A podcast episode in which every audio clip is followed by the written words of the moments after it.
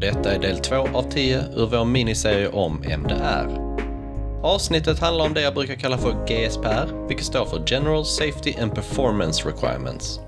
Jag kommer att berätta lite om vad det innebär och vad för krav som ställs på det som tillverkar medicintekniska produkter och placerar dessa på marknaden inom EU.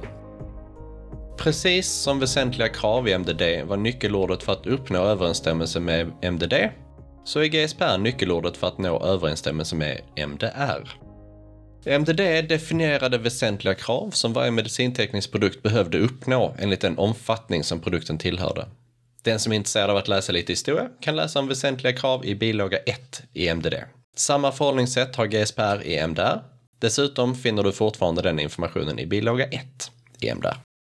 Själva andan av väsentliga krav för MDD har inte förändrats, men självklart har en del saker lagts till eftersom tiderna ändrats sedan 90-talet.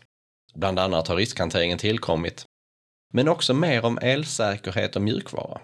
Mjukvara har ju äntligen lagts i definitionen av en medicinteknisk produkt också. Dessa nytillkomna bitar, men också allt annat för GSPR, gäller självklart under hela livscykeln av produkten. Det har även tillkommit nya regler gällande märkning av produkter, som jag kommer nämna lite mer om snart. Det som tidigare hette väsentliga krav heter nu för tiden allmänna krav på säkerhet och prestanda och finns som sagt i bilaga 1 i MDR. Det är då bilaga 1 som är mest intressant om du är tillverkare och vill få din medicintekniska produkt CE-märkt. Det blir liksom ett ganska starkt krav på att din produkt ska vara säker till den nivån som MDR anser rimlig.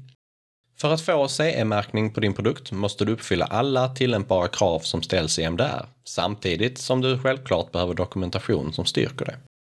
Du fick en snabb genomgång av kvalitetsledningssystem från Leo i avsnitt 1 av 10 i denna miniserie. Och förhoppningsvis så har du redan arbetat med eller under ett kvalitetsledningssystem som överensstämmer med ISO 13485 eller liknande. Ett sådant ledningssystem kan hantera alla de dokument som krävs för att bevisa att du klarar alla kraven gällande säkerhet och prestanda. I detta avsnitt kommer jag alltså fokusera på vad MDR har för krav och det är hela 23 stycken krav under tre kapitel i tidigare nämnda bilaga 1. Jag inleder oväntat nog med kapitel 1 då kapitel 1 tar upp saker som riskhantering, där det krävs att du kan uppvisa en plan för ditt arbete inom riskhantering. Det vill säga att du har identifierat och analyserat riskerna som kommer med att använda din produkt. Du ska bevisligen ha gjort ditt bästa för att minimera riskerna så långt som det är möjligt när man använder produkten. Just formuleringen “så långt som möjligt” dyker upp ofta i kapitel 1. Det kan ju kännas lite otydligt då det är svårt att avgöra när man sänkt riskerna tillräckligt. För att uppnå detta görs en så kallad risk mot nytta-bedömning, där tillverkaren definierar vad som är acceptabelt och vad som inte är acceptabelt för just sin produkt och dennas avsedda användning. Tänk tillbaka på avsnittet med defibrillatorn. Rent krasst är risken med ett hjärtstopp väldigt stor, till och med garanterat att dödsfall sker. Nyttan med defen i detta fall är att patienten får en chans att överleva. Så även om defibrillatorn potentiellt kan döda en patient så är risken högre om man låter bli att använda defen. Och därför kan man motivera användningen av produkten. Sammanfattat kan man ju säga att du helt enkelt inte får designa en produkt som är skadlig för patienten. Den skada som kan uppstå måste vara kontrollerad och försvarbar. Tanken med produkten måste såklart alltid vara att den ska hjälpa patienten.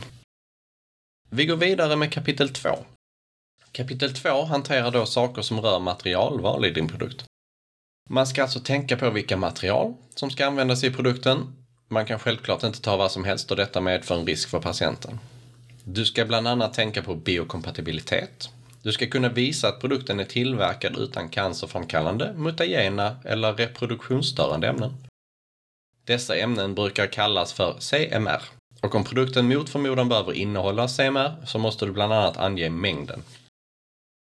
Du behöver också hantera risker för infektion och liknande. Dessa ska reduceras så långt som möjligt. Här hör vi frasen igen.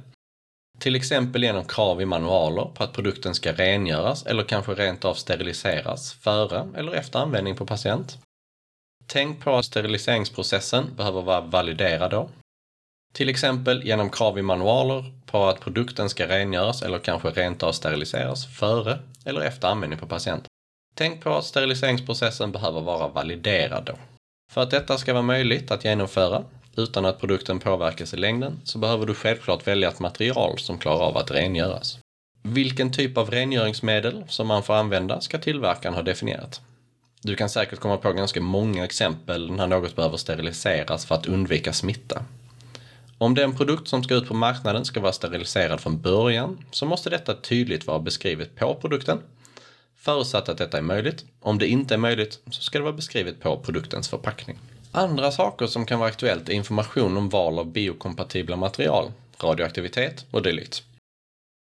För att produkten ska kunna rengöras på ett smidigt sätt och för att få den så ren som möjligt och därmed minska att smitta förs vidare så måste självklart designen inkludera att rengöring kan utföras på ett enkelt sätt. Till sist har vi då kapitel 3 och detta kapitel tar upp information som ska levereras tillsammans med din produkt. Den information som nämns i kapitel 3 ska finnas tillhandahållen på produkten, paketering och i tillhörande manual som produkten levereras tillsammans med. All information som måste levereras tillsammans med din produkt ska också vara på svenska, om den säljs i Sverige. Detta definieras i 2021 kolon 631, som du hörde Lina berätta om för bara några veckor sedan. Men det finns självklart en del undantag. Ett exempel på sådant undantag är en produkt i klass 1 eller klass 2A som kan användas utan risk för patienten. Denna behöver inte levereras tillsammans med en manual. Det finns självklart fler undantag, men om du behöver veta exakt vad som gäller för den produkten som du ska tillverka så får du helt enkelt läsa på i MDR. Några exempel på den information som din produkt ska märkas upp med rent fysiskt på produkten. Om detta inte är möjligt får den finnas på förpackningen och informationen är bland annat följande. Produktens modellnamn. Tillräckligt med uppgifter för att användaren ska kunna identifiera produkten. Förpackningens innehåll och produktens avsedda ändamål. Om produktens avsedda ändamål är uppenbart så behöver inte detta märkas upp. Du ska även inkludera tillverkarens namn, inklusive auktoriserad representant om en sådan finns. Produktens lottnummer och CE-nummer. Utgångsdatum, alltså entydig information om hur länge produkten är säker att använda och det ska uttryckas som år och månad som minst. Och även om produkten är en steril produkt. Du har totalt 13 punkter enbart under 23.2 i kapitel 3. Den punkten heter information i märkningen. Så se det jag precis nämnt som ett litet smakprov bara, för det finns betydligt fler krav som gäller märkningen av produkten. Jag hoppar smidigt över till att gå igenom lite exempel för vad som måste finnas med i bruksanvisningen innan jag tackar för mig. Här har du ännu fler punkter, närmare bestämt 28 stycken. Och då är första punkten en hänvisning till åtta stycken av punkterna i den fysiska märkningen. Även denna information ska vara på svenska, om produkten släpps i Sverige. Några smakprov på dessa punkter är Tydlig information om produktens avsedda ändamål. I förekommande fall ett angivande av förväntad klinisk nytta. Produktens prestandaegenskaper. Eventuellt kvarvarande risker och bieffekter. Eventuella krav på användare och andra inblandade personers utbildning och särskilda kvalifikationer. Information som gör det möjligt att bedöma om produkterna installerats på ett korrekt sätt och kommer att fungera säkert på det sätt som tillverkaren tänkt. Här definieras också till exempel behovet och intervallet för förebyggande underhåll.